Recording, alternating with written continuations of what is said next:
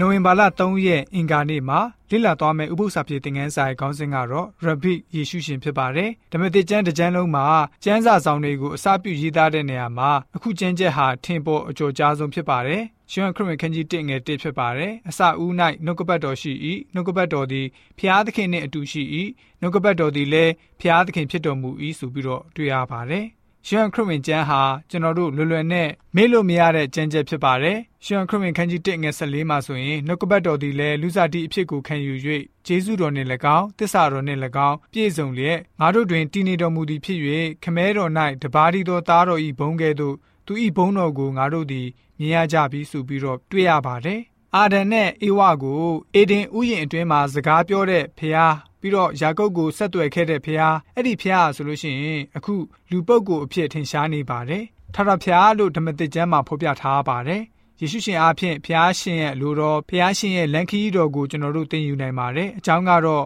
ယေရှုကိုယ်တိုင်ဟာထာဝရဖះဖြစ်တော်မူတဲ့အတွက်ကြောင့်ဖြစ်ပါတယ် ယေရုရှလင်မြို့မှာရှိတဲ့ဘာသာရေးခေါင်းဆောင်တွေဟာဗတ္တိဇံဆရာယောဟန်ရဲ့ဟောကြားချက်ကိုကြားရတဲ့အခါမှာအထူးပုဂ္ဂိုလ်တူလို့သူတို့သတ်မှတ်ကြပါတယ်။သို့တော်သူဟာတူတယောက်ရဲ့လန်ခီကိုပြင်ဆင်ပေးတဲ့သူသာဖြစ်ပါတယ်။သူဟာယေရှုဟာသူ့ထက်ကြီးမြတ်တယ်လို့သူကိုယ်တိုင်ကအသိမှတ်ပြုပါတယ်။ဗတ္တိဇံဆရာယောဟန်ကိုယ်တိုင်ခြေနှင်းကြိုးကိုမြဖြည့်ခြင်းကမထိုက်တန်ဆိုပြီးတော့ပြောခဲ့တာတွေ့ရပါတယ်။ ဒီလိုနဲ့နှင်းချင်းဆရာယောဟန်ဟာယေရှုကိုမြင်တွေ့ပြီးတော့ဖျားသခင်ရဲ့သားတော်လို့ကြေညာပေးခဲ့ပါတယ်။ဖျားသခင်ရဲ့တိုးတငယ်လို့လည်းပဲခေါ်ဆိုတာကိုလည်းပဲတွေ့ရပါတယ်။ဗတ္တိဇံဆရာယောဟန်ရဲ့တပည့်နှစ်ဦးဟာယေရှုရဲ့နောက်ကိုလိုက်ဖို့ဆုံးဖြတ်ကြပါတယ်။သူတို့တွေကိုယေရှုရှင်ကဘယ်အရာကိုရှာတယ်လဲလို့မေးတဲ့အခါမှာသူတို့က